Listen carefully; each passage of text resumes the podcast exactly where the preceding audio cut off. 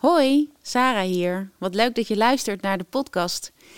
De podcast is ooit ontstaan naar aanleiding van mijn boek Ode aan de Magie. Wil jij ook een exemplaar van het boek? Ga dan naar odeaandemagie.nl. Welcome to Ode aan de Magie. In this special episode, we'll discover the magic of nature with wilderness guide Christian de la Riva. Why should we love moss? How come the white birch is the James Dean of the forest? Will we get to know the wolf, the wild boar, and the hare without even seeing them? In this episode, we learn about what animals can teach us by following them in their footsteps.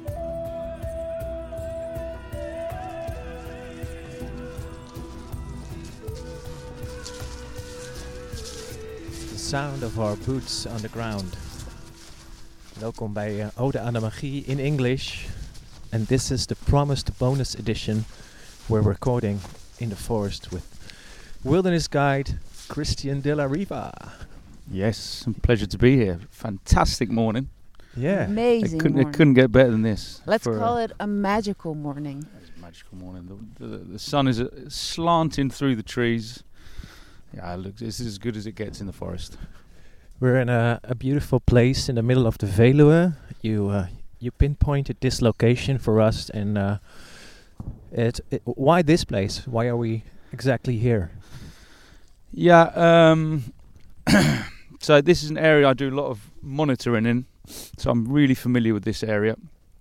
Um, I also do nature tours around the area, and it's a place that um, I know, and it's a place that I'm comfortable with, and it's a place I, I can recognise the disturbance in patterns in, and it's a place of real familiarity, a place I really bonded with. So I think it's pretty nice to bring you here and to show you a bit of the the natural wonders that occur in Holland.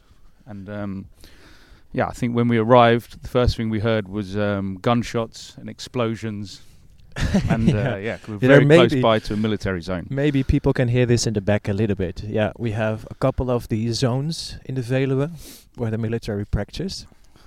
So, uh, but won't that disturb like the animals, or is that for for them like the baseline of this area?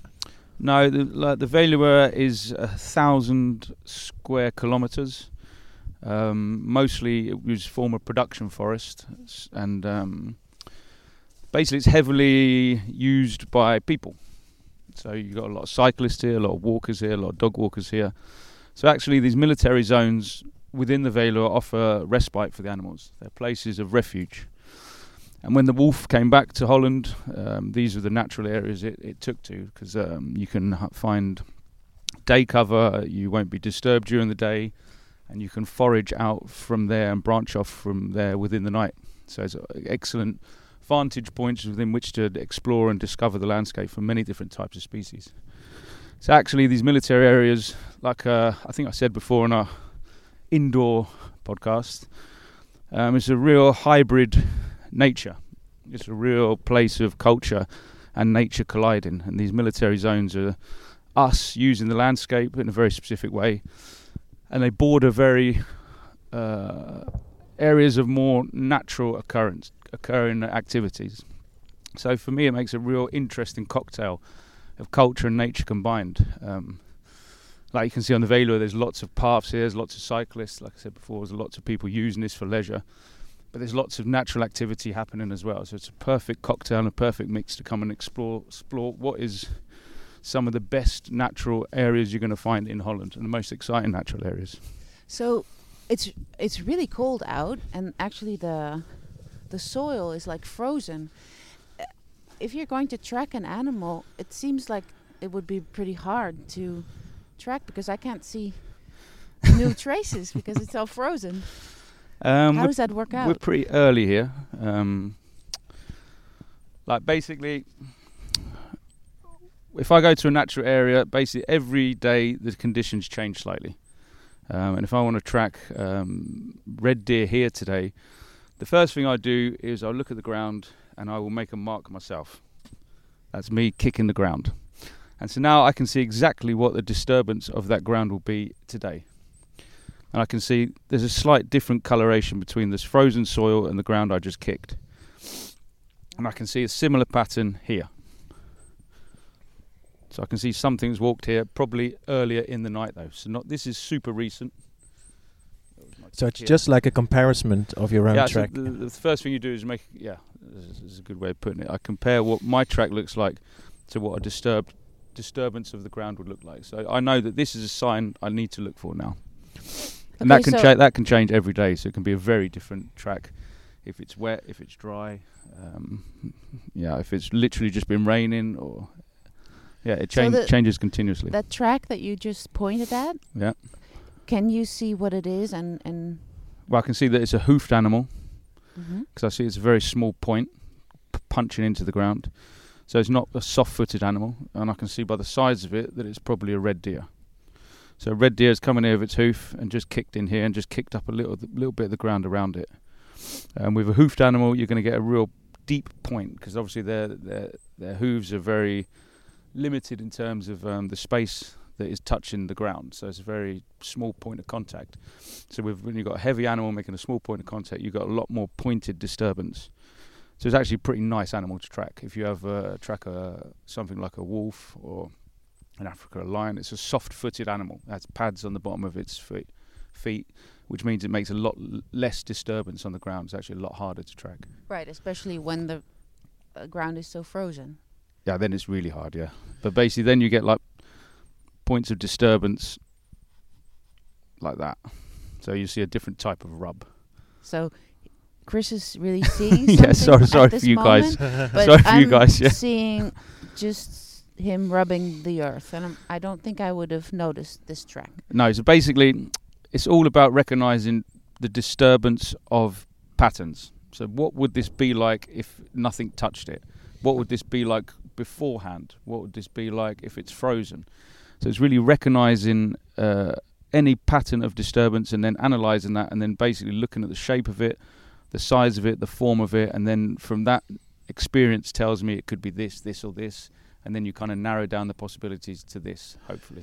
For me, Sara, if I if I hear him talk about that, it, it reminds me of um, after what I've what I've learned from the exercise you have in the book, the magical uh, looking, uh, looking at every, everything like a dream.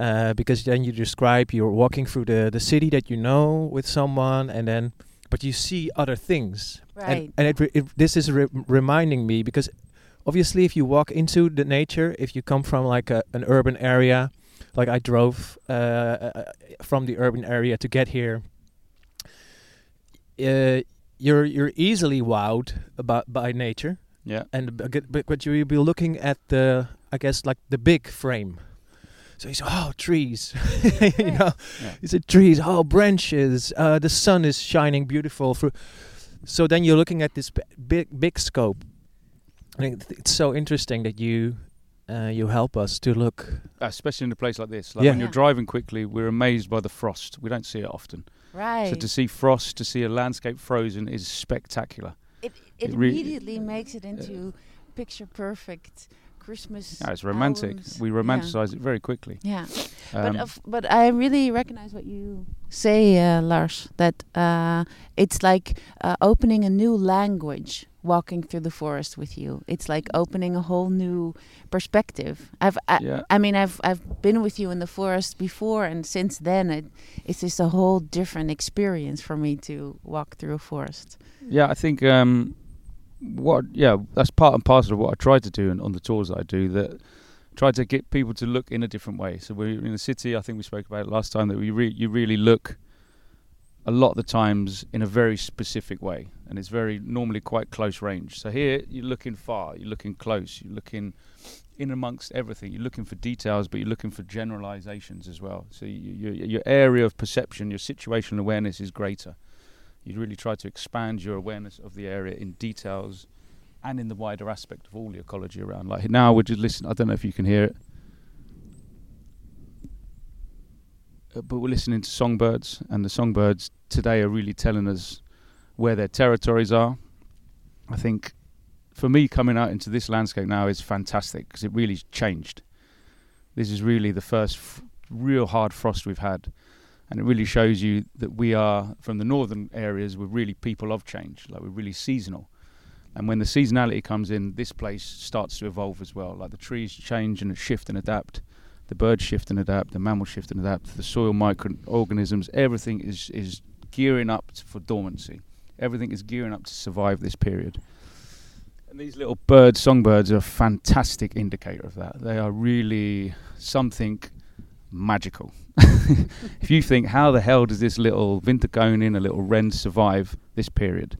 It is outstand- uh, outstanding. If we s- if we were out here for the night last night, we would be in big trouble this morning. We'd be If if we, dead. did, if we didn't have our clothes, if we were naked, I'm freezing right now. it's extremely cold. I think Feel my night fingers around the microphones. last night was minus five, minus six here. It was Yeah. really the fluctuation in temperature out here is really pretty extreme. so how do they survive? Yeah, it is incredible. And it what is, a, it is a story of wonder. Um, they're really small, so they lose body heat really quickly. Like the like of each species, the further north you have of each species, the larger the animal gets because the surface to body ratio is is greater, so less they, they lose less energy. These guys are tiny. Uh, Winterkoning, you know, a wren, is a really small bird. And we could hear a little wren in the distance there. I'm not sure if you could hear it now. yeah, one was actually pretty close behind us. Yeah, and they're really. Um, you wouldn't think they they were so territorial at the moment, but basically they f- they have little winter food caches. So they're caching winter food here, like it could be grub or could be a spider under underneath the bark of a tree. But the real trick is basically Like a storage. Like a storage. They have little stores here, so Oh, yeah. they, the, the winter habitats are pretty, pretty very important because they know it specifically. They know it intimately, and they've stored food in different pockets. But the real um, trick, they got a couple of tricks for this tiny little bird. Basically, when winter comes, they put on about 50% more plumage, so more feathers. And the down feathers they have uh, are comprised of thousands of strands of protein strands. And um, these capture heat, so they really retain heat magnificently. So I think they, they say it retains heat 10 times better than a styrofoam coffee cup. So in winter, they kind of puff up and that kind of keeps the heat in store. But this only buys them a couple of hours of life at night time. What, what they really need to do, and the real trick, is basically shivering. So birds are brilliant at shivering. And the reason they, they're so good at this is because they have these huge flight muscles. Their chest muscles are massive to power the wings. Like we have no corresponding muscle size on our bodies. So actually, our shivering is quite poor in relation. So we shiver when we're cold, and that kind of we, we do that so the blood passes through our, muscles and it creates heat. So that kind of retains a, a little warmth throughout the night. But for us, shivering is not a is not a major weapon we have against the cold. For them, it is it is pretty much everything. A quarter of their body weight is that muscle mass in the chest. So if you're shivering, the blood's pumping through that muscle. It's a really huge muscle, so that keeps you warm. So in the winter, these little tiny birds have got to get about 65,000 joules of energy from the landscape, and half of that is spent on shivering. And in terms of uh, understanding what 65,000 joules is, basically, if you had a spider that was the size of a, a comma on a page on a book, that's one joule of energy. If you add like a sunflower seed, that's a o- really oily and rich. That's a thousand joules of energy. So this bird has to scour the landscape, finding hundreds of morsels of food a day, even in winter, just to survive. Just so it has enough energy to shiver throughout the night to keep it warm, to survive through the night. That's hard So work. it's- it's Wow. hard work. Wow. but the way they do this is that they see the world in hyper reality. Like we see the world with three color receptors. Uh, they have four color receptors because we both evolved from reptiles. They kept their, their full color spectrum from reptiles. So they see in UV, they see 11 different color combinations. So when they view uh, a branch like this, we see a branch, we're looking at a fallen branch on the ground. We see it as quite smooth, the, the bark. We see a little bit of texture in there, but they see it in absolute hyper reality. They see a place where a tiny little spider could be lurking, and with this incredible sense of eyesight, um, they're able to find food sources that we would not even consider spots to look for. So they have superpowers. So for me, it is just that that is awe, and for me, like nature is about the magic of nature is about being awed, about understanding things that animals can do, species can do, plants can do that we just can't even conceive of. So Um, these little birds are the superheroes of this forest. Yeah, and uh, it's really nice to learn about birds and plants because they're the most immediate things we find. Most people find them as quite, but most people f- would consider bird spotting a, uh, uh, a hobby. But actually, when you really key into the ecology of the birds and understand their lifestyles and what they're doing in this landscape and how they're seasonally changed throughout the year, I think that's gold. I think it's really, then you just look at a bird in a completely different way when coming into a landscape like this. Like it is scouring and its life is dependent on what it finds today. And it does that through s- abilities that we can't even conceive of. They see UV. So a lot of beetle wings, a lot of um, caterpillars, they'll be laced with UV. Um, they'll have streaks of UV on them so they can pinpoint them out in the landscape.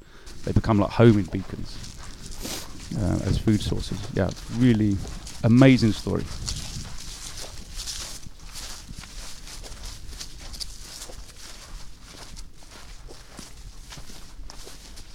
I'm just realizing, obviously, uh, also by display of all your knowledge about this, this is your trade. So, walking through nature, uh, reading nature, it's it's your trade. Can you still be be wowed, or where's the wow in nature for you, like personally? man. when where, Yeah, where's is- where is is your the magic happens? Yeah, that is easy. Like I said, it is just about awe.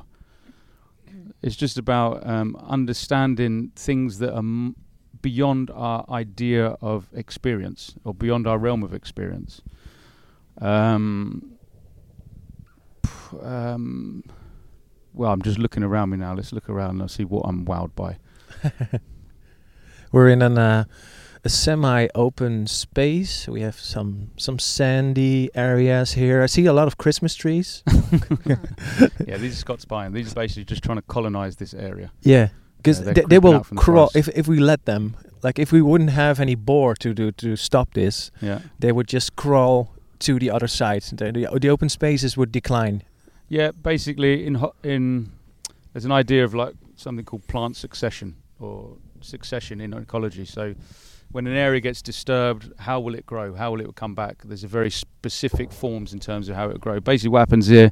Here we got like a patch of open sand, and this is open sand because it's close to a path, so it's kind of kept open by people walking on it. If we look just directly to the side of it, we have mosses and we have lichens and we have grass starting to colonize the ground. And what they're doing is they're basically mineralizing uh, the topsoil. They're creating soil. They're creating humus. They're creating dead organic matter. And this basically allows other plants to then start growing on top of that. Plants that like to live in less acidic conditions because this sand is really acidic. So not much can start growing on that apart from the, the real initializers and the colonizers and the pioneers. And that's generally lichen and mosses. They start to build soil. It re- it remembers me of the story that you told in the indoor podcast. And if you're listening to this one and you missed that, uh, check it out uh, as well because that you were talking about like even this this small uh, worm, earth earthworm, Earthworms, yeah. in in like uh, uh, uh, a nothing uh, bit of nature, like just in a the, scrap the, of mud in the corner of a car park. Yeah. that was that's it, yeah. And then I'm just realizing that this is just how it works, right? You have like this this in, entire team uh, in Yeah, nature. it is, yeah. It's like a team. Okay, first up, you go, earthworm, and Yeah. and here it's like the the moss or the the, the other plant that you mentioned, Yeah. and then it sets in motion an entire. no, this, this is exactly it. Like, Wow. succession is just is is basically a magnet of life attracting life. So you have the early pioneers, and they are awe-inspiring because they are the ones that basically start habitats. Yeah. So the coarse moss, lichens, they are phenomenal at this. They basically many of the minerals in your body now were engineered and mineralized and passed through lichens before they entered into the ecosystem. Like lichens don't have a root, nor do nor do mosses. They grab most of their n- mineral nutrients from the air.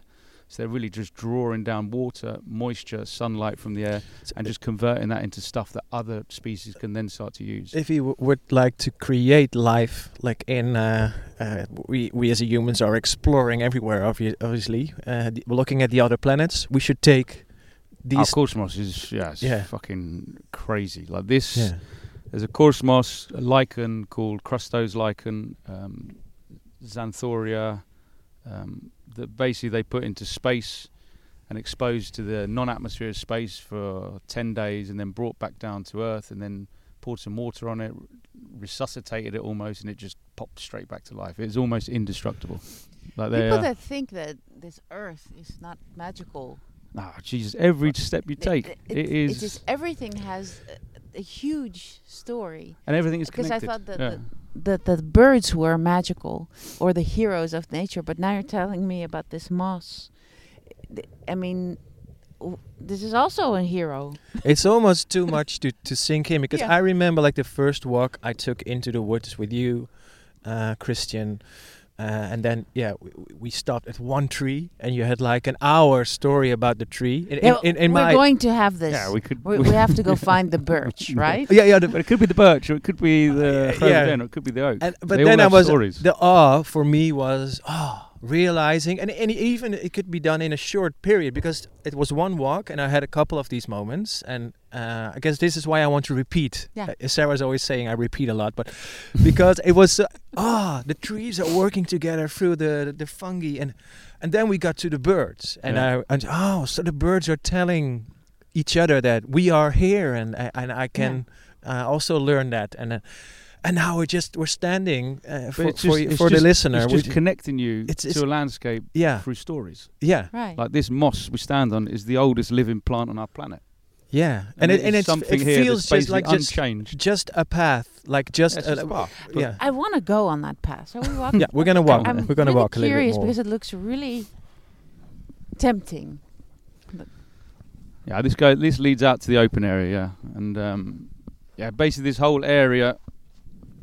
You know the history of the Veluwe. This is boar. Oh, bloody good, Sara. Why'd you say boar? Why? Yeah, wh- why'd you think boar? Because it uh, has a two-toed and then this little thingy over here. Yeah, Next these to it. these two front toes correlate to what was it? Our middle finger and our ring finger. Yeah, and this is And like a basically our index finger and our little finger uh, became dew claws. They de-evolved and went further up the leg. And on boar, because boar don't have any sweat glands, so they like to wallow in mud a lot. So they like to wallow in really uh, substrate soil types that are really deep and are basically moist. So basically, what these two side um, hooves do is give it uh, anchorage, give it surface area. So boars have really huge um, dew claws to these two side hooves that you can see on either side here. So this is like a classic indicator of a boar track. Like deer have these, but they're further up the leg, they're smaller, and they're all and they're really always in line with the with the two hoof two front hooves. So yeah, good spot. Real, there's lots of boar here. Look, they like this place. yeah, because it's open, and basically this leads to the big open area over here.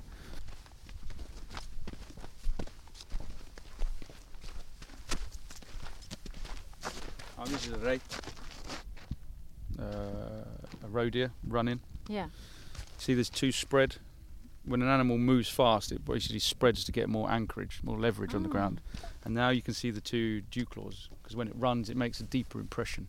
Right. So this animal's really running from something. This Yeah. is quite a long gait, so it's really shifting. Probably a dog walker disturbed it here. This is uh, a few days old.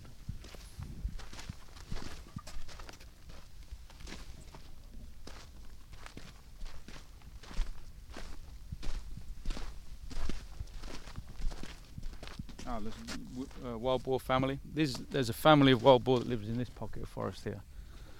So they come and forage out, and then you always find them their trails coming back in. So there's a little pocket of depression over there that they sleep in.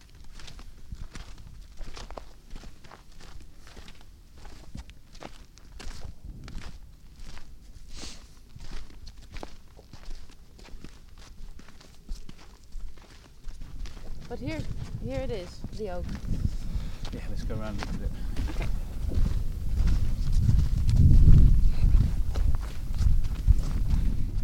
Whoa! Look at this. Yeah, this is stunning. I sleep out Amazing. on that little mound a lot. Yeah, it's great here. The wolf walks here loads. Always animals crossing here. It's, it, sunrise in the morning is crazy cool. It is a pretty magical place. It's when so you're here beautiful. at night, there's no one here, so you're really on your own. Well, because stunning. you're just listening, we'll have to describe that. Maybe you haven't been much to this place, and you should definitely do, because it's almost like if you're used to the urban areas in Holland, Yeah. and and you come here again, uh, it's like you're in a different country. I kind of can't believe I'm in Holland right now. I mean, this landscape is glowing and flowing, and there's it's it's frozen, so it's white. It it looks like a one of those Christmas pictures. It, it it's Oh, like it rivals. I've travelled all over, and it rivals anything I've seen. It really is. When the sun comes up in the morning, you get the mist here. It really is spectacular. It really is a, uh, and people don't believe it. I say to people, I'm a nature guide in Holland. And they say, Yeah, but Holland doesn't really have nature, does it?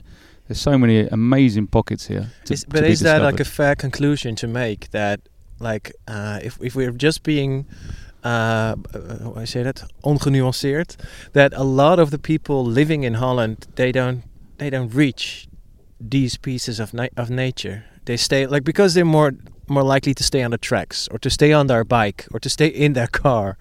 Yeah, maybe. Yeah, uh, it's just uh, maybe practice. Um, we forgot to to make time to come and really invest in places like this hmm. and really understand it. Because I think the understanding also brings a, a certain level of attraction and, and relation to it. And so if you understand it more, you want to go more. for me, it does. Yeah, Yeah. It, ma- it pulls me. It keeps pulling me. I need it now. I really built it into my system to. If I don't come out, then I get cranky. But you live and in I Amsterdam. North. I live in Amsterdam North. Yeah, exactly. So I come out to to these places to get my respite Yeah. and to get my level again. Uh, they really, really bring me that. And this open space, it really triggers us frequency wise on many levels. You have green, you have open, you have soft focus. All these are really frequencies in our brain, visual frequencies that really help us relax and really essential to, to recuperate after the intensity of living in a city because that triggers parts of our brain that really are task orientated but never fully satiated. So it really for me it is essential to come here. It really brings me um, mental peace, and physical action always always amplifies your your experience as well. So to walk and to look and to feel and to smell, and to taste and to touch it all is really uh, the complete package that brings me something um, that I'm so pleased I discovered in this later part of my life Hmm. and I'm hope that I can transfer that experience to other people's experience of, of, of to, to amplify other people's experience out here. But anyway, we arrived at the oak. Finally, Yeah. yeah, like the oak. Um, you guys all know mythologies about oaks. It's the idea of strength, like um, most of England's armada was built on oak. It really is a hard wood. We use it as furniture. We use it as really durable materials, and really beautiful materials. We look at the the integrity of the grain. And the grain is so rich because it is so long lived. Um, but beyond all these things, the oak is uh, an ecological monster. Like I said before, Monster. In in what way?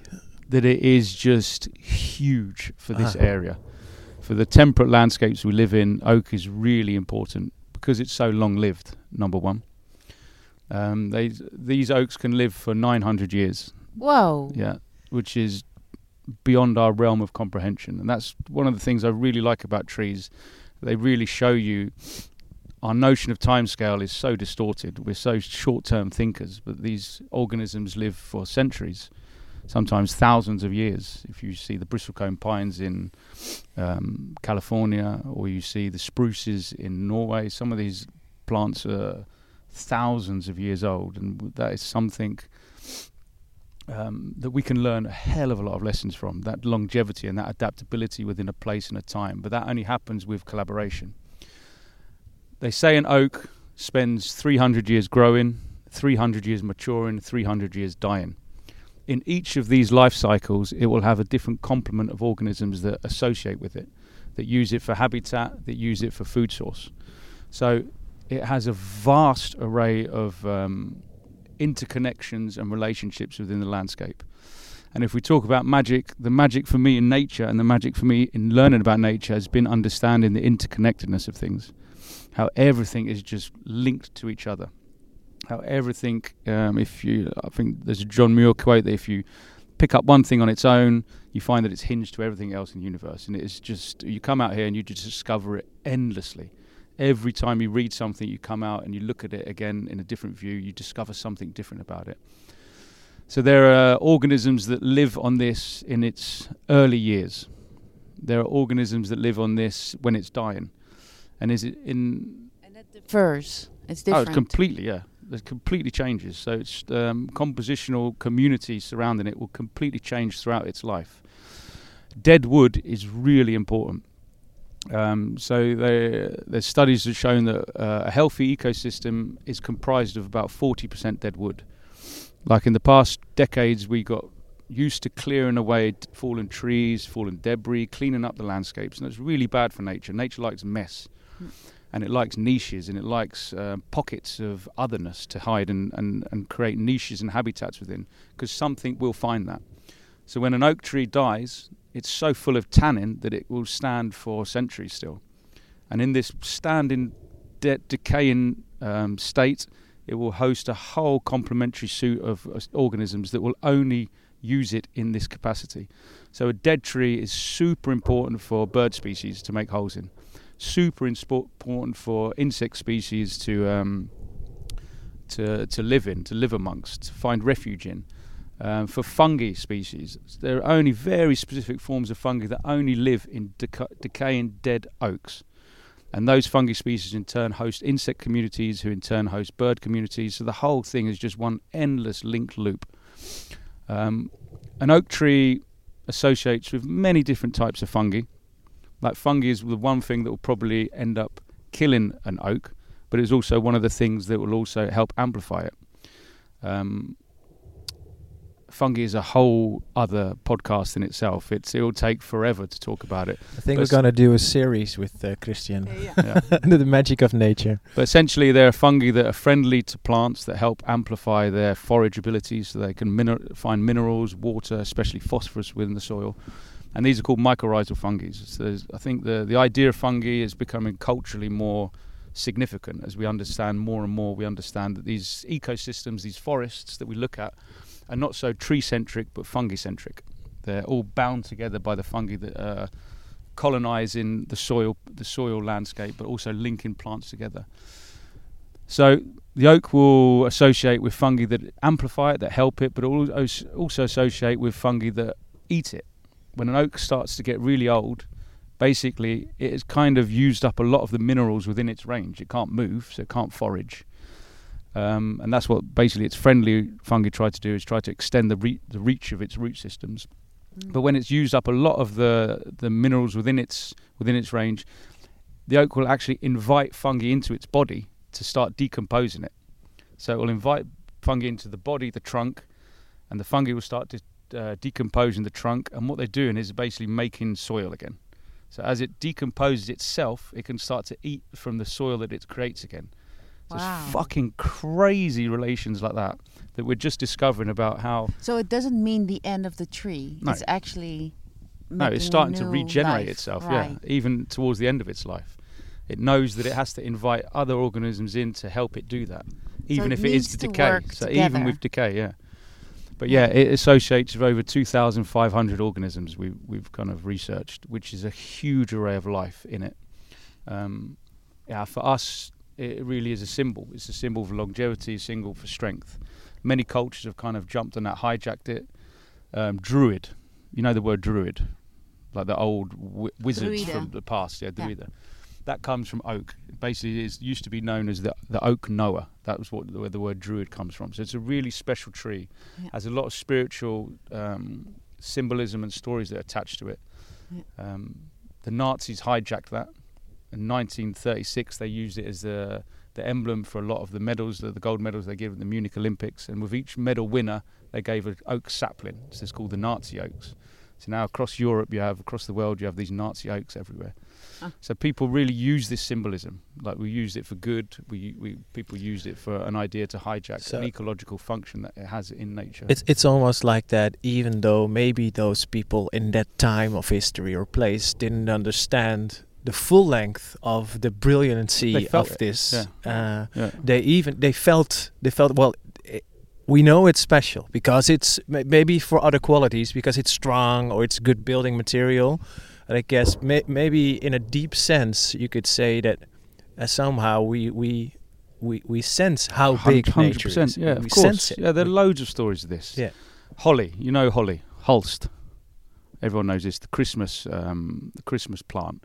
Like we put like a crown of holly around a door because it symbolises the, the the crown of thorns from Christ and the berries are the droplets of blood.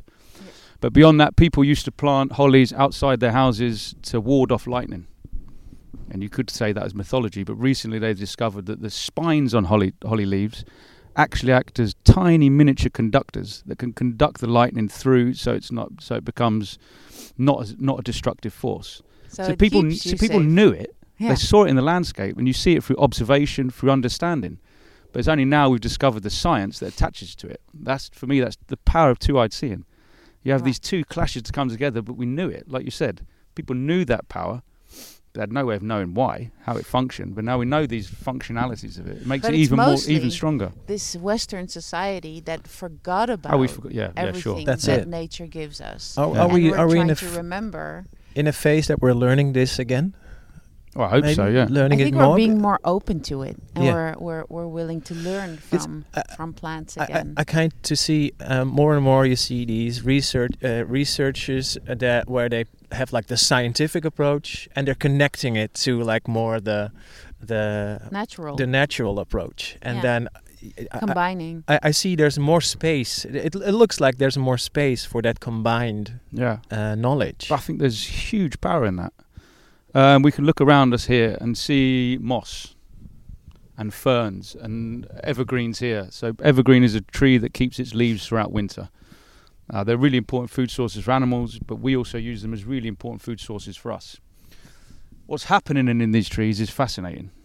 The, the, when they stay green, they're still photosynthesizing, so they still have chlorophyll in them, and the chlorophyll is basically is harnessing the energy from the sun, and uh, those and it has it basically creates really um, energy excited electrons. And when it's summer, you can translate that into food. You can process that quite quickly. But in winter, that slows down. So basically, all these plants that are still green have loads of electrons still buzzing in them, and this can be really dangerous for the cell structures of the of the plant itself. So what the plant does, it creates a whole load of chemicals to kind of harness these electrons and kind of subdue them, and kind of transit them into different chemical form. Like these chemicals are basically what we call vitamins. So vitamin C and vitamin E are really good at this. So these all these evergreen trees now are producing tons of vitamin C, vitamin E. And during winter, like we used to have this to prevent scurvy. Vitamin C is really important um, uh, vitamin mineral to keep within our bodies. It really keeps us going throughout the winter. So people would just instinctively just know it through experience, trial and error, just to chew on this evergreen leaf, and you'll get a vitamin C hit. So it's a really important food source throughout the winter. But this layering of crazy scientific understanding on top of native knowledge is just for me amplifies it. Just amplifies the experience of looking at this tree and thinking, oh, it's still green. It's not just still green; it's doing something amazing to stay green.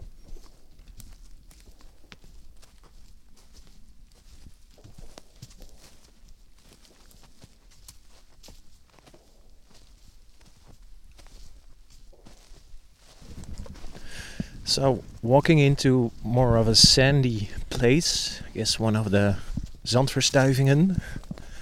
And then if I look, I see like a, a, a carpet of marks. Um, and it seems almost impossible to to get something out of this because it looks like uh, if you have like uh, a white piece of paper and then an entire kindergarten class went crazy w- with markers. Yeah. So, can you still read something out of this? Oh yeah, hundred percent. I read everything here. Um, we're really close to the car park, so this is still a place where a lot of dogs walk and are walked by their owners. There's a lot of human tracks, and there's loads of dog tracks everywhere. And interspersed with that, we have red deer tracks here. There were fox tracks we just passed. If we just walk to the edge here, maybe there's badger, fox. The ground is quite hard, so um, smaller animals are going to find it hard to to make a mark here, or it would be a different type of mark. We just can't see it yet. But here is a wild boar track, and we can see that the wild boar has broken the crust of the earth. And with the, what I mean by that is the the frost of, the frost there. So the frost that would have been on the tops of all the, the little um, sand mounds have been knocked off. So we know that this was made this morning. So we know that this wild boar was moving in this direction this morning. So there's a good chance he'll be in that pocket of forest now. Basically, the rhythms most animals have here is um, um, determined by our activity. So at night time, um, they come out into open areas and they'll forage in open areas. Like wild boars will basically be looking for anything in the in the ground. A wild boar is basically a nose with four legs. It's basically this nose that's just propelled by this body. It's like a bulldozer on legs that is all just about this drilling organism and this incredible smelling organism at the front of its body. Like they smell 2,000 times better than us. Mm. The a truffle that is buried one two meters underground is basically developed for them. Yeah, it basically evolved in collaboration with the, the ability of wild boar to be able to smell them underground and then dig them up with this incredible nose.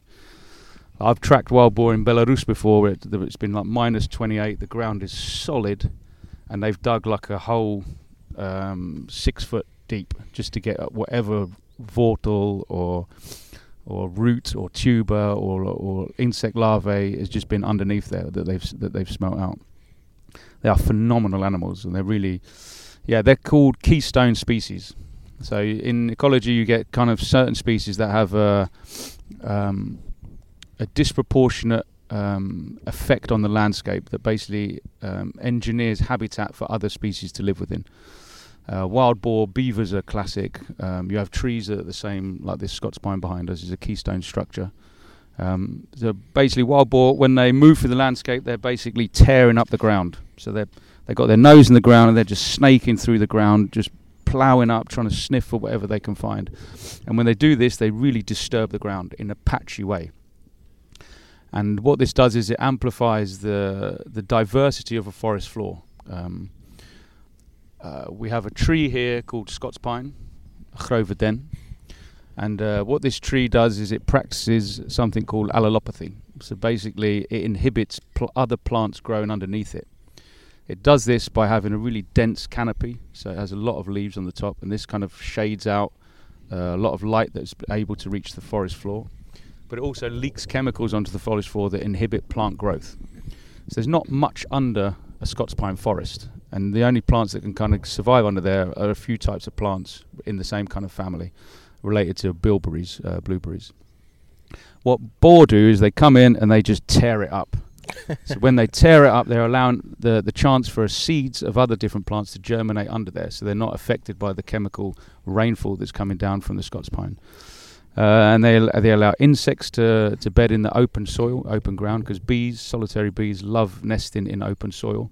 They lo- they allow ants to start colonising certain ex- uh, places. They're basically creating mini architectures, mini landscapes as they travel through the through the through the landscape. But obviously, they're affected by our routines. So when we're out, like we are now, we're walking on the sands. People walk here with their dogs. We're quite close to the car park. The boars will be here really early morning. So now they're going to look for a really deep pocket of woodland. So they're always in the deepest pocket of woodland. Are they underneath going to sleep? trees. Or Yeah, they'll rest. They'll rest. Um, like this is an area where I've tracked uh, boar families before. Um, a wild boar family is called a sounder, so a group of boars is called a sounder, and that's pretty, a group of boars is basically comprised of females, a lead matriarch, so they're always matriarch led. With um, it could be a one-year-old uh, um, daughter and a two-year-old daughter from um, herself, and then with the pu- uh, the the the piglets of that year. So they can be up to about 20 individuals, but they're basically led by female female-led societies. The males go off after two three years, and they basically uh, are in the forest on their own. So we found these tracks here of one boar. Oh yeah. So this is a male. oh yeah. We know this is a male. so in symbolism, uh, now I understand why it's so. Uh, wild boar are a symbol for uh, Mother Earth, or uh, Yeah, they're really fantastic. Deep Like, really- femininity. It, it, I, I track a family here uh, about a year ago, and I used to be able to to trail them and get in where the and get into a point where they couldn't smell me with the wind direction, and I could sit and I could watch them. One day I sat and watched them for seven hours, and it was an absolute learning education. So th- they they didn't see you No, because I, they couldn't smell them. you. They couldn't smell me, no. And their, their eyesight's not that good. So if you, if you kind of see one and you stand still, chances are, if the wind's in the right direction, it won't acknowledge you that that that readily.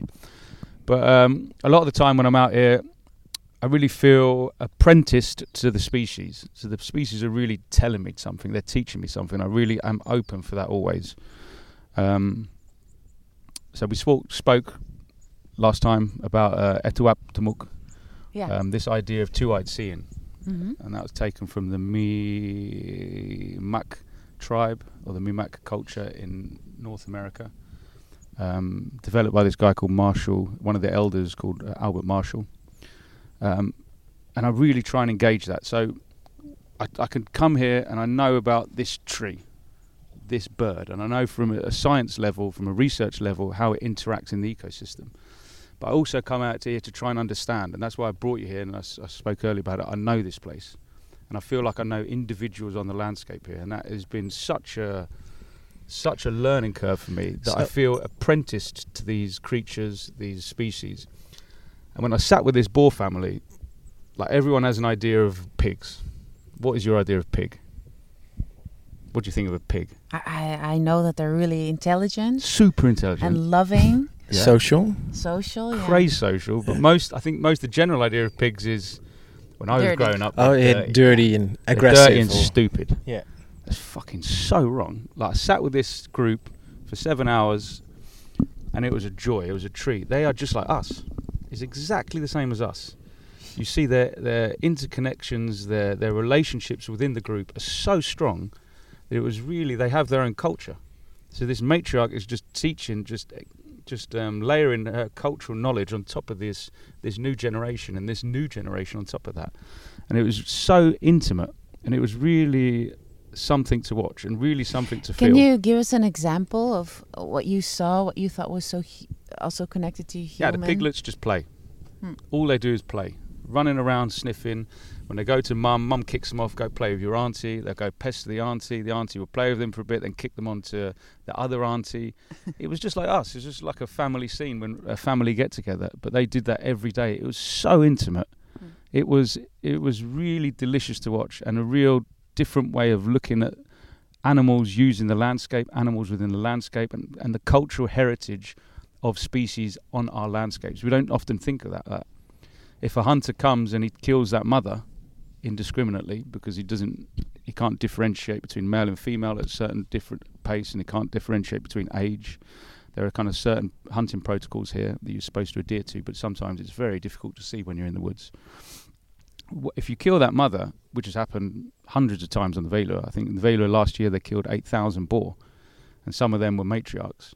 You take away a whole history for Ah. this t- subsequent generation. You take away, you rip away that whole cultural heritage of knowing of the landscape. She knew this landscape intimately, Hmm.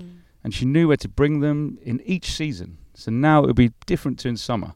Obviously, the day length is changing, so you, you forage at different points, different times. You know where you can rest in the day. You know where you not won't be disturbed in the day. So, do you think there shouldn't be hunters, or do you think they should be educated? Um, I think hunting, the way we manage our landscapes and the- way we've brought our landscapes to a certain point, it is needed. Like basically, like I said, wild boar have a really positive impact on an ecosystem, on a forest ecology, but in a certain type of number. But now there's oh because we over winter feed them. Um, winters are milder, so there's less animals that die off. Um, so there's an over, it's basically out of balance. There's an overpopulation of boar, and so that has to be managed in some capacity. So hunting is needed, especially with deer, because deer have a really um, dominant effect on forest regeneration. Like Hmm. we can walk around here, and I can show you all the plants that we would see here in summer are the plants that the deer don't like, are poisonous, toxic to deer. So basically, they really disproportionately manage um, the plant distribution within a within an ecosystem. Is is this like uh, inner? How you say that? Inherent, um, like co- coherent with how we create space for nature in our country in a, like in a big scale. Because I, I obviously we, we're we're happy that we have. If you look like on uh, on the Netherlands from the top, it's still like ve- a very green country. Yeah. But a lot of it is cultivated green. So Yeah, we like to make borders, lines. We like to make edges, yeah, and some animals really thrive on that. Rodents, rats, um, bird species, roe deer really love those lines because they can navigate. A, uh, it's called an ecotone.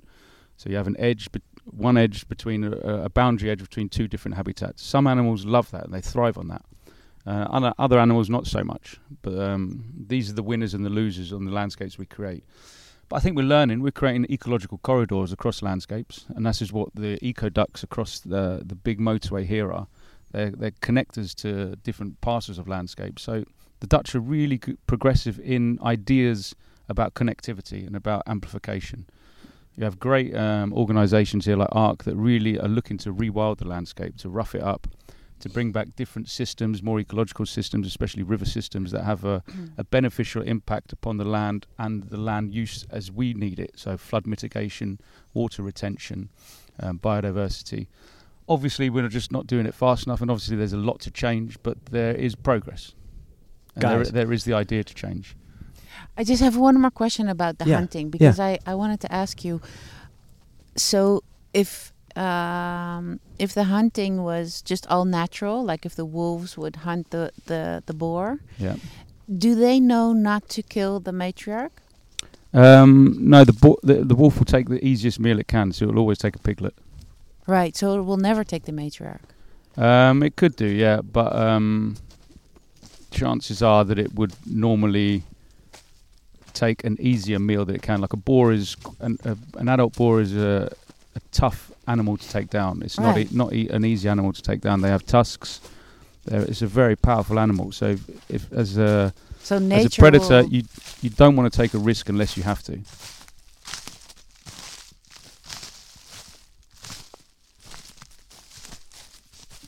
Like in this region, like where where we're walking now, there are three trees that really are the cornerstones of the the habitats here, and the cornerstones of the mythologies here. So we talked about um, the oak before, and we spoke a little bit about the Scots pine, the grove den.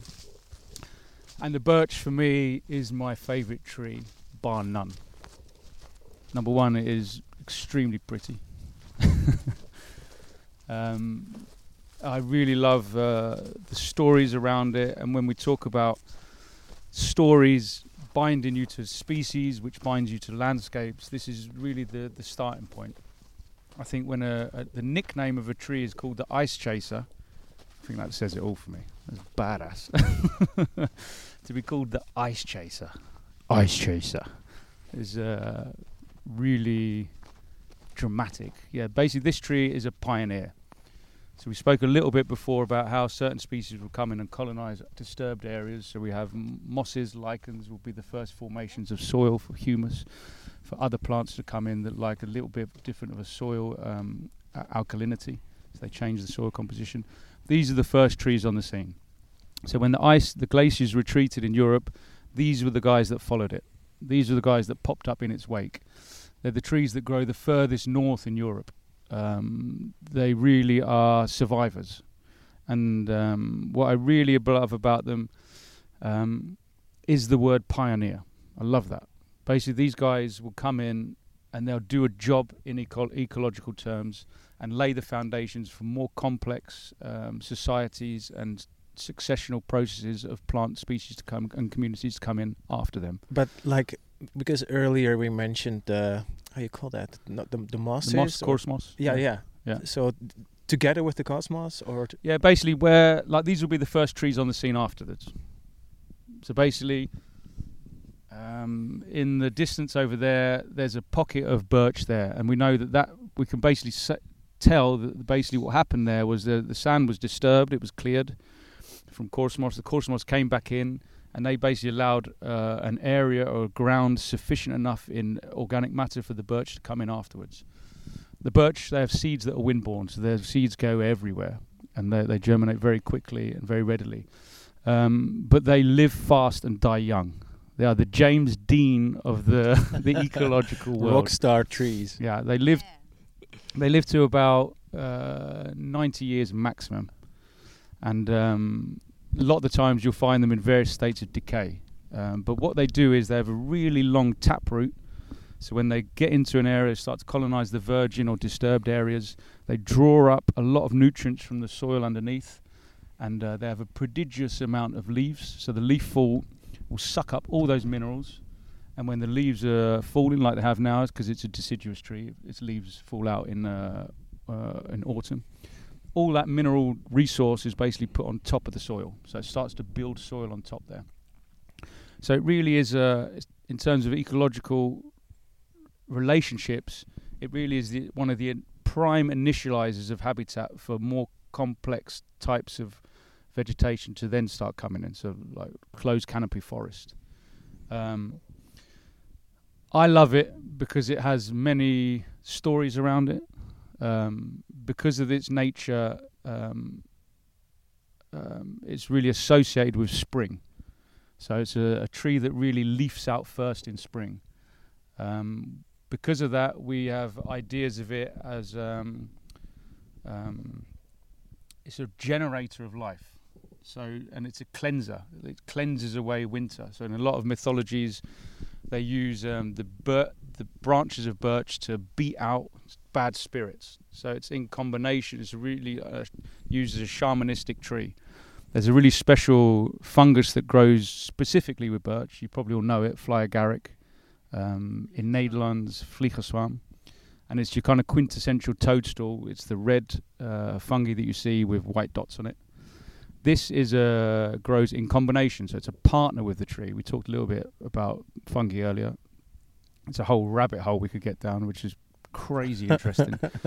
Um, but in past cultures, basically, they used to use this Vliegenzwam fly agaric as a hallucinogenic, which is also a great story behind this.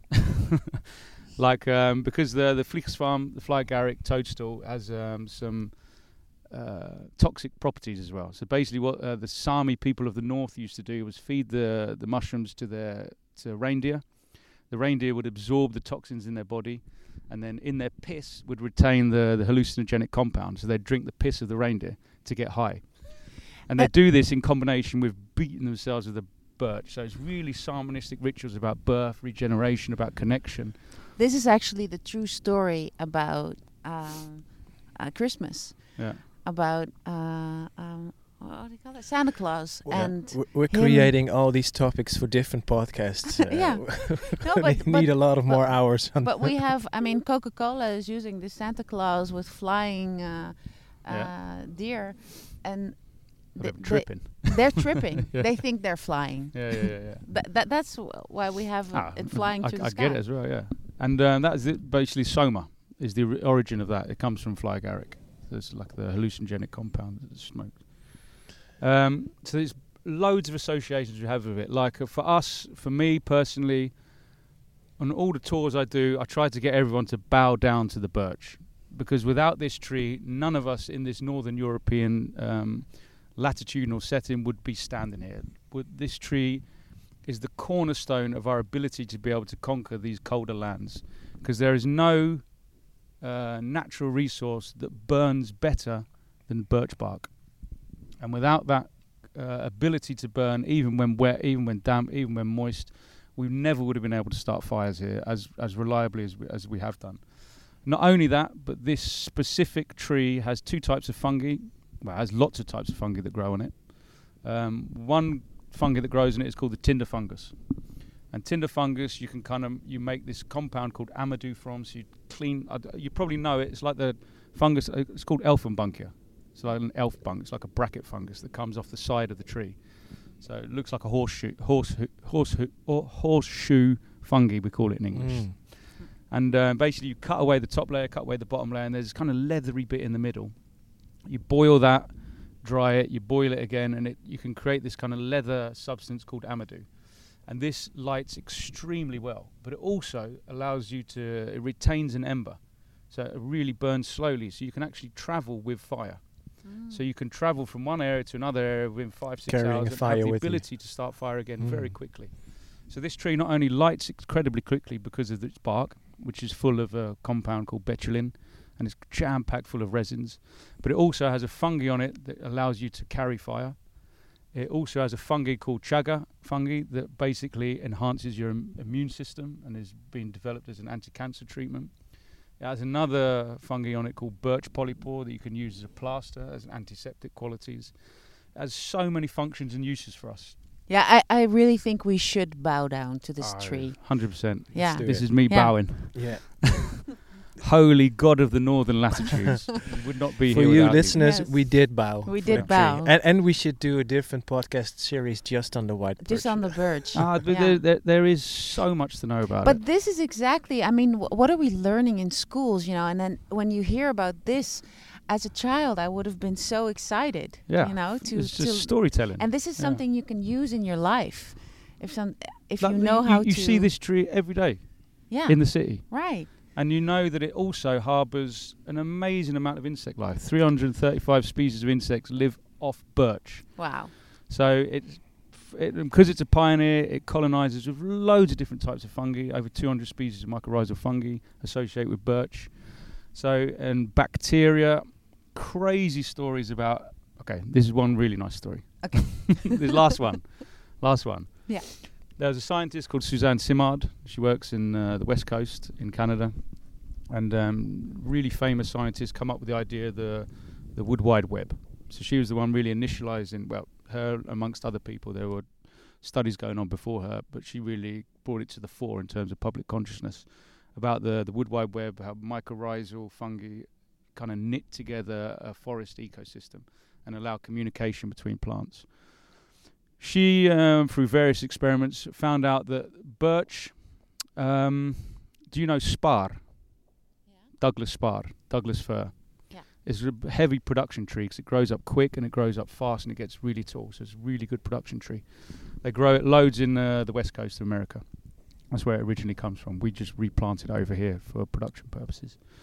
Um, they used to clear the forests where they grow it, so they wouldn't allow any other trees in there. And she was like, "Fuck no, it can't be like this. Like, there must be a community for a reason. These trees must grow together for reasons." And she found out that basically, when um, birch and spar grow together, um, they actually complement each other, and uh, they're actually joined via the mycorrhizal roots.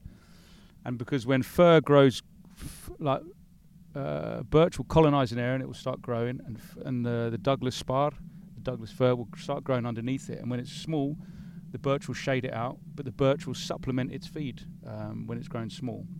And when the fir actually gets above the, because it grows a lot taller than the birch, basically, um, you would think that the birch would be shaded out and it would die quickly, but actually it reciprocates the, the favour. So in its older life, it starts to supplement the feed or the carbohydrates, the glucose it sends to the birch. But not only that, but the birch also has a bacteria that lives on its roots that inoculates the soil against pathogenic fungi. So there's a, there's a fungi called honey fungus that is the biggest root rot killer of all trees in the world.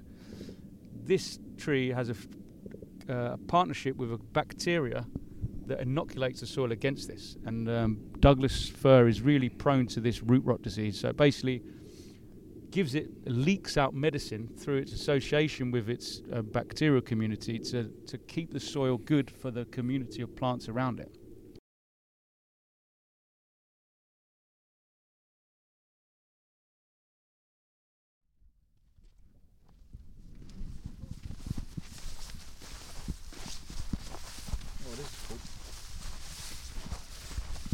See here? See these nail marks? Yeah, this is a hare. So this is like the perfect print you're going to find of a hare. Basically, a hare has the same foot morphology as a dog. So you have the same digits and the same carpal pad, the same shape as a dog. But because it has so much hair underfoot, Ah, all you end up seeing is the nail points in in the sand. yeah. So this is really nice. These are the two back feet. I mean, these are two front feet, and then these are two back feet here. So a hare will always walk in a bound in gait because it's basically a major prey species for lots of different animals. So it never walks casually. It's always walking like it's going to run. So you have the two front feet first, and then the two back feet come up afterwards. The really powerful pushing back feet. So these are the two fronts. These are the two backs here. These are the two fronts. These are the two backs here. So you're you're looking for uh, wolf tracks now, but how do you uh, find the wolf tracks with all these dogs here? Yeah, I think it's just basically what we talked about before. It's just basically practice, and just knowing how to read uh, a mark on a, on the ground. Um, Because a, a wolf paw seems close to a dog. it is it is well same family, yeah, of course. Yeah. So if you get a big dog, it can be pretty confusing. But there are like a few key indicators, and um, yeah, they're pretty. If you think about it, kind of straightforward. Um, like the best indicator is um, the pattern you find, the pattern of the walk. Like when we walk, we walk in like a very straight fashion, right? Yeah. And there's one foot in front of the other, and it creates like a zigzag pattern of tracks. Yeah. Um, if you think about what a dog is, a dog is a domestic animal. So a dog a lot of the time is at home. So when it is brought to an open area like this, the first thing it wants to do is just go fucking nuts. Right. So it wants to come out here and it wants to smell everything. Like a like a, a wild boar is led by its nose, a dog uh, is of the same nature. Right. So It the comes- dog it- is like going in It circles. comes it comes from a wolf, and a wolf basically is also a nose on four legs. It does have better eyesight and better ears, uh, hearing than a than a, a wild boar. But um, in terms of how a wolf navigates a landscape, it is scent driven. It can travel up to seventy kilometers in a night, and it's basically just looking to pick up 70 scent. kilometers. Seventy. Whoa. So its body, its nose is all built for travel. Uh, a dog, when it comes out, wants to smell the same.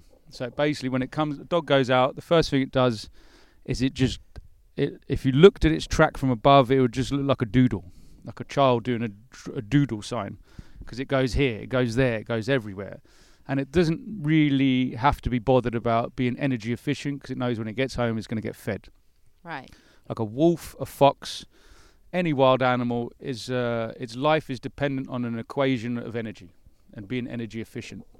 The expenditure of energy is a sin out here for any animal. Uh, like we talked about with the birds earlier, if they lose too much energy, they're going to die in the night. Right. So you're not going to run around. So you're not going to run around. So you're going to be really straight. So you're going to be really direct in every action you do.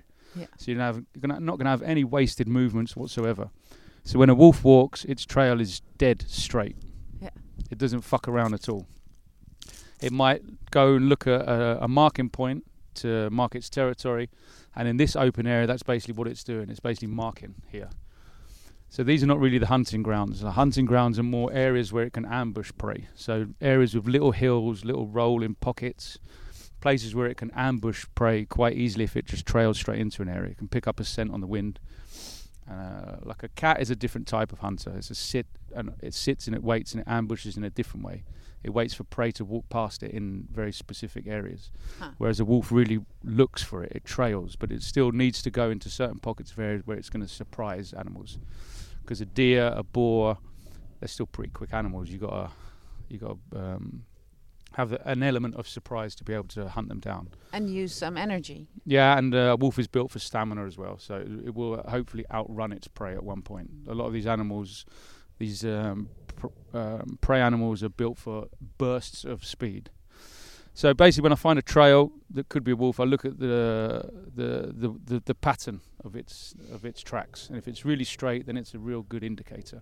Right. But beyond that, also, uh, um, you can kind of equate it to like a bodybuilder and a couch potato. So dog is at home the whole time, so its its its foot is looser because it doesn't walk on its foot as much. I say um, that the wolf, I said before, it walks about 70 kilometers a night. So if you're doing that, you're basically training.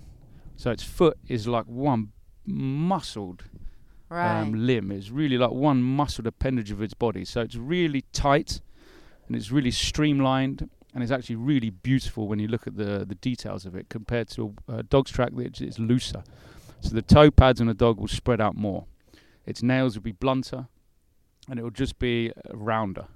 Whereas a, a wolf's is more streamlined and shaped like a teardrop. right. So hopefully we'll find some along here. This is a good spot. Basically, this is a junction where two roads cross each other, and um, most wild animals will use. Um, they don't make sound. they mostly communicate through scent, olfactory communication. It's called through scent marking, through smells. Um, and they make very specific. All of us make very specific smells, uh, individual to us. And the best places to leave your scent if you want to communicate something to uh, to another uh, animal on a landscape is at junctions of travel, routes of travel. Um, the roads, the paths we make um, are really quite easy routes for travel. So if you don't want to expend energy, energy, it's quite easy to take a path rather than walk through the middle of the forest. Um, so a lot of the time, wolves especially will use human roads a lot.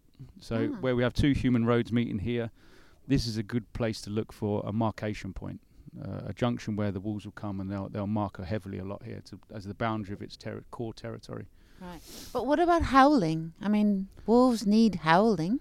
Yeah, they do howl, but that's normally like the wolves in Europe are really conditioned to us and to really evading us. So the less sound they make, the better. You will have pockets of wolves that do howl, but they're mostly howling wolves. You mostly get in the Americas. Right. European wolves don't howl so much. Because not they as know much. they should keep quiet. Yeah, more they'll keep quiet, and uh, the distances are not as vast as they are in America. Right. and they know through scent where they're going to be. Um, but they will howl for sure because it is a form of communication Have over you hear distance. heard that in the Veluwe? Not on the Veluwe, no, not yet. Where have you heard it? Oh, in Belarus, um, in Romania, um, uh, in in Alaska.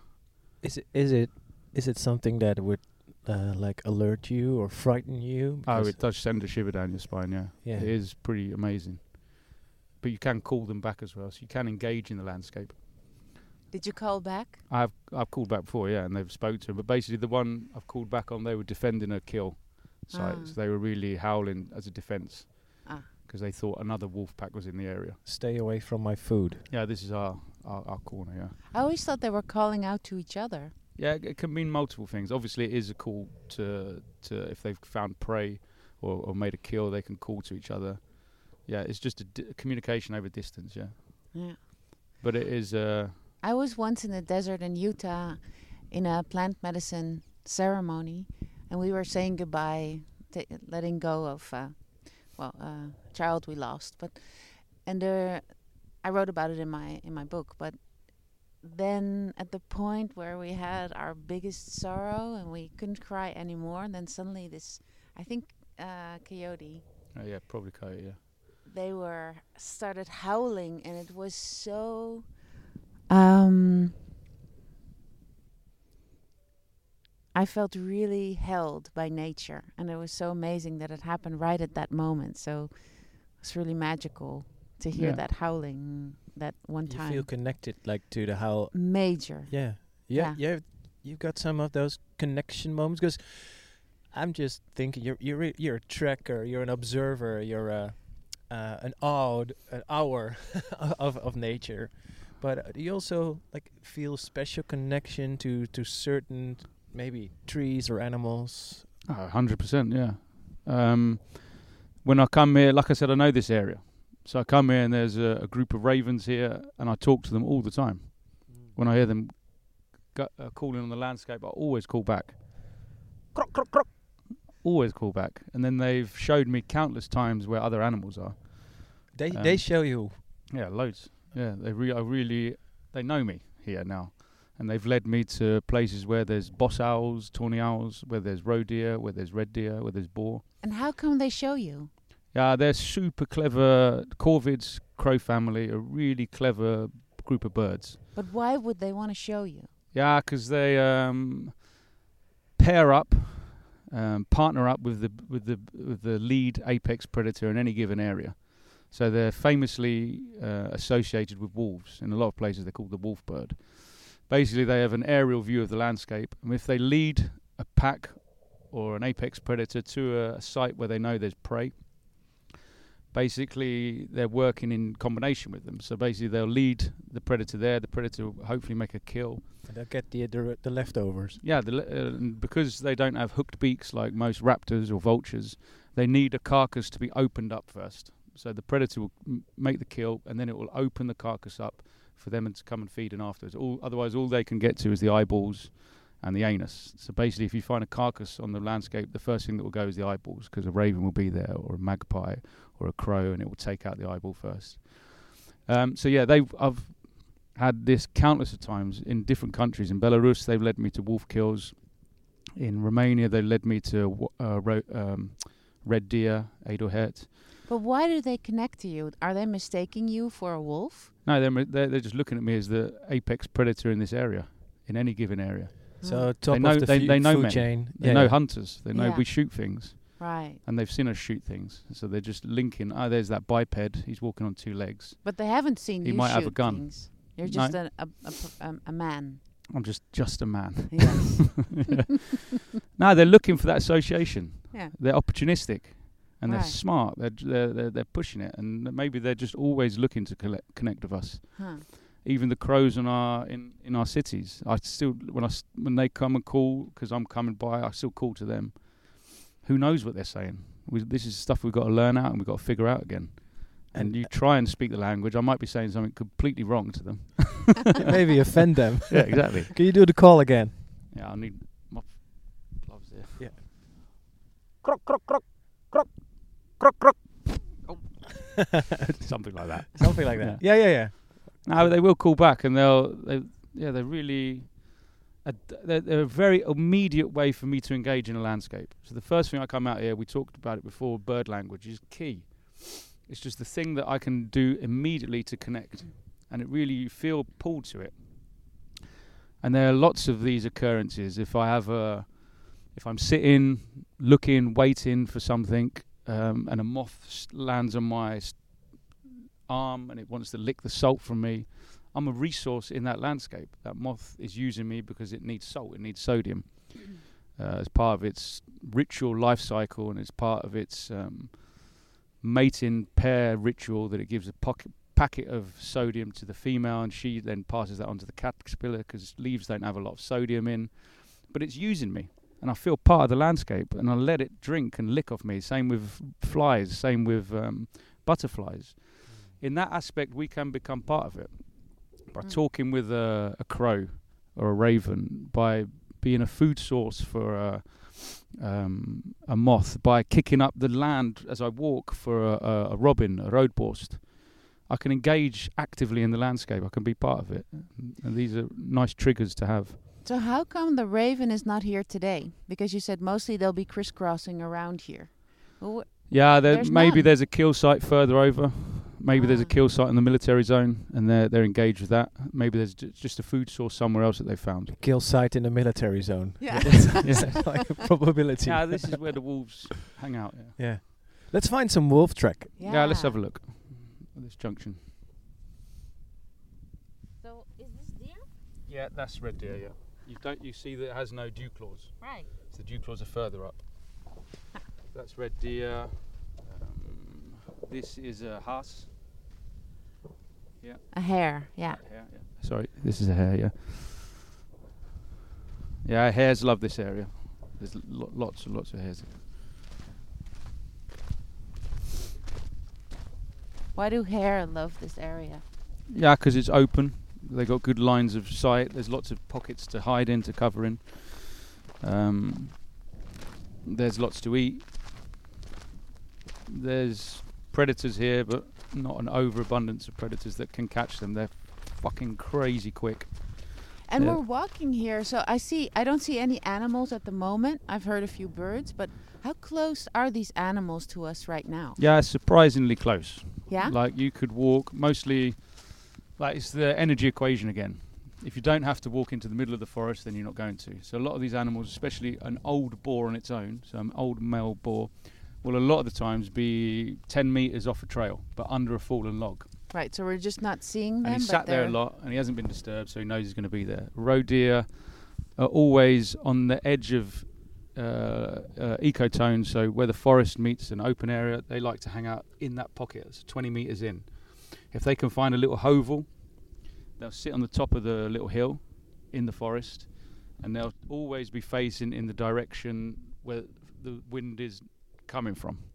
So basically, the wind is in their back, so they can smell anything coming from back, and they can see anything that ca- that comes on the trail they came into the forest from. Ah, smart. So a lot of these animals will lay traps.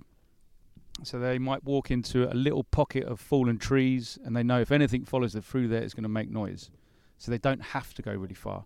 Right. Yeah. So these, like, I used to track um, giraffes in Africa, and um, it's a big animal, so the tracks are quite nice to follow.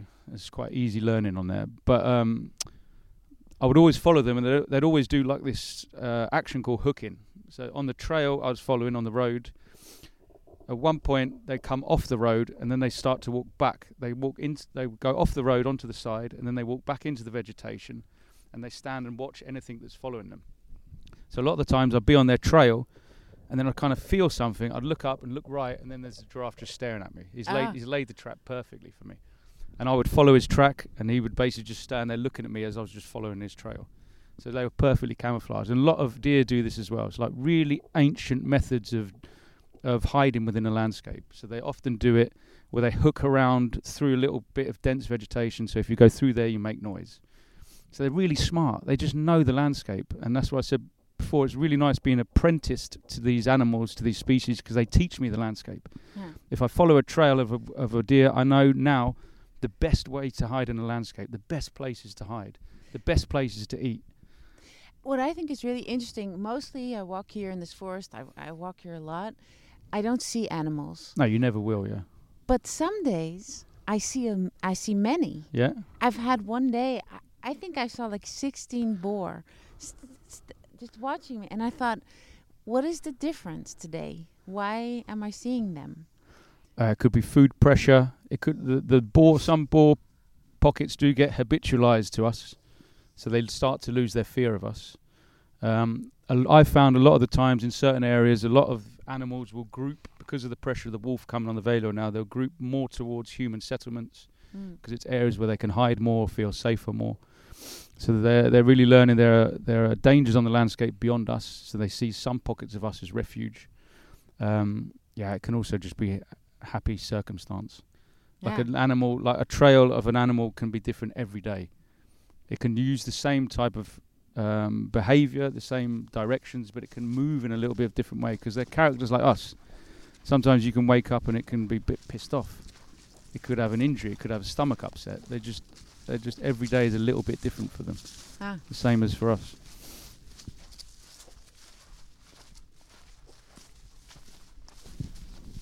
Okay, so we come to the junction, um, the crossroad between uh, two human paths. And uh, as I said before, animals really love to use these areas. There's this kind of um, a lot of animals will travel over here at night, so it's a great place to signpost to leave like a urine markation or a, or a scat marcation to basically say who I am and this is my territory. This is the boundary of my my core area.